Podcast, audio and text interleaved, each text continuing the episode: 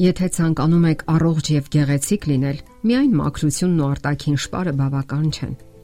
Որպիսի մեր մազերը շողշողան, աչքերը փայլեն, իսկ մաշկը իր մանկական թարմությամբ զարմացնի շրջապատին, անհրաժեշտ է մարմինը ապահովել վիտամիններով եւ միկրոէլեմենտներով, հանքային աղերով։ Իսկ կյանքը ցույց է տալիս, որ դրանց քանակը աղետալի քիչ է, հատկապես գարնանը։ Իհարկե կարելի է դեղատներից գնել հատուկ պոլիվիտամինների համակազմ։ Աղետալի վիճակը կանխելու համար կարելի է օգտվել նաև այդ տարբերակից, բայց հաշվի առեք, որ դրանք պարունակում են անհրաժեշտ ոչ բոլոր վիտամինները։ Առանց թերագնահատելու այդ միջոցը միանգամից ասենք, որ ոչինչ չի կարող փոխարինել կենթանի պոլիվիտամինային համակազմին։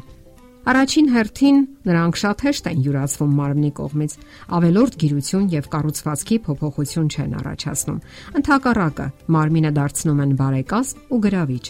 Նույնիսկ առաջին թարմությունը կորցրած բանջարեղենն ու մրգերը ավելի հարուստ են վիտամիններով, քան որևէ քիմիական միջոց։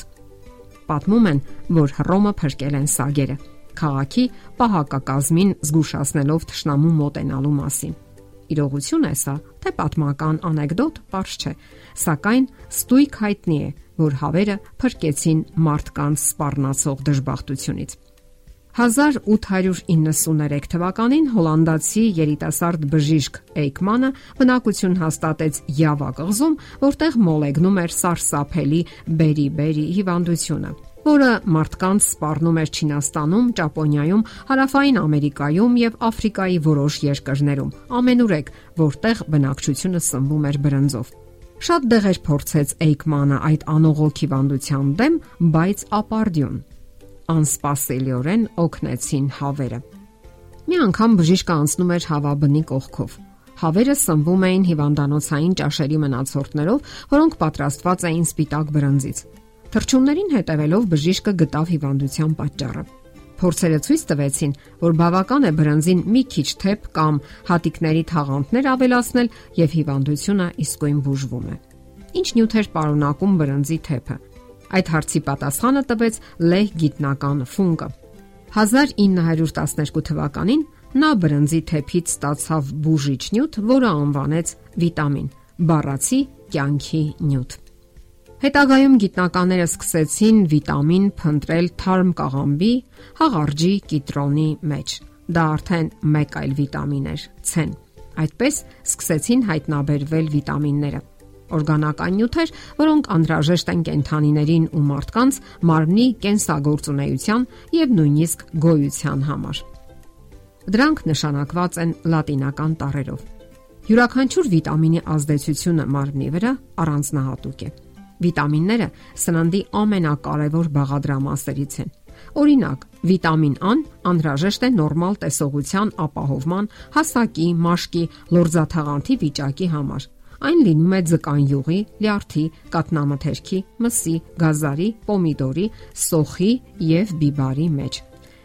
Իսկ B խմբի վիտամինները բարձրացնում են աշխատունակությունը, ուշադրությունը, մկանային ուժը, ախորժակը, նպաստում են մարմնի վարակազերծմանը, ամրացմանը եւ պաշտպանական ուժերին։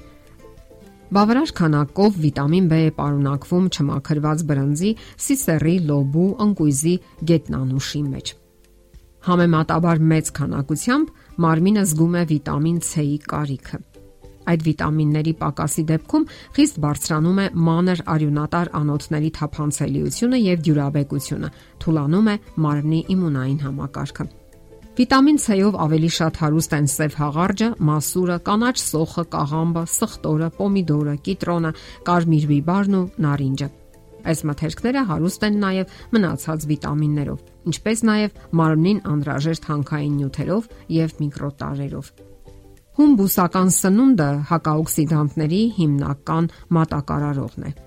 Այս նյութերը խիստ կարևոր են սկլերոտիկ երևույթների եւ օրգանիզմի ծերացման կանխման համար։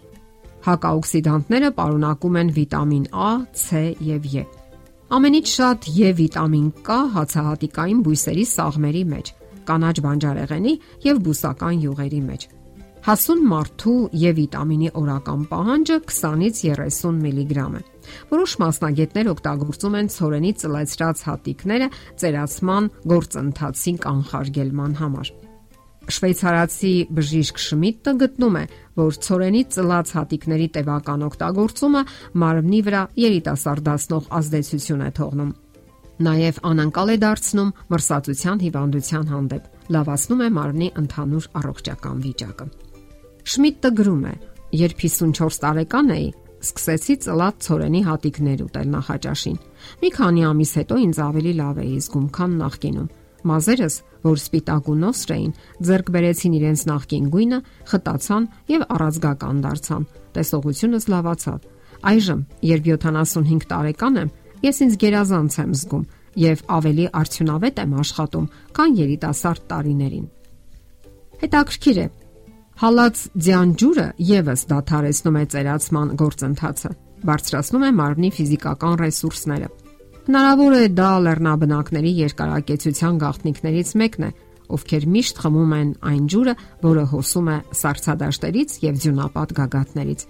Իսկ ովքեր հեռու են լեռնագագաթներից, նրանց տրամադրության տակ են տնային սառնարանները, որտեղ հեշտ է ստանալ բավարար քանակությամբ սառույց։ Դուք երբևէ չեք մտածել, թե ինչու են թրջունները լքում Աֆրիկայի լիառատ հարմարավետ ափերը եւ չվում դեպի հերրու հյուսիս, որտեղ ձյունից բացի ոչինչ չկա։ Ինչու է դա նրանց հարկավոր։ Թրջունները հյուսիս են գալիս ջրառատության երրուն ժամանակ։ Ծարավը հագեցնում են զնաջրով, եւ այդ ջրի միկումը, ինչպես ասում են, թրջնի հոգում սիրո ցանկություն է ծնում։ Այս բացատրությունը գուցե վիճելի թվա։ Կարծիք կա, որ ձնաճուրը փոխում է սպիտակուցի, մասնավորապես ферментների կենսաբանական մոլեկուլների ակտիվությունը եւ նպաստում բազմացման գործընթացին։ Եթե ցանկանում եք ներդաշնակել բնությանը, լինել գեղեցիկ եւ առողջ, օգտվեք բնության շտեմարաններից, վիտամիններից եւ դուք կլինեք կենսուրախ եւ կենսասեր եւ կժպտակ կյանքին։ Ճիշտ է նկատել Շոպենհաուերը։ Առողջ մուրացկանը հիվանդ թակավորից երջանիկ է։ Եթերում առողջ ապրելակերպ հաղորդաշարներ։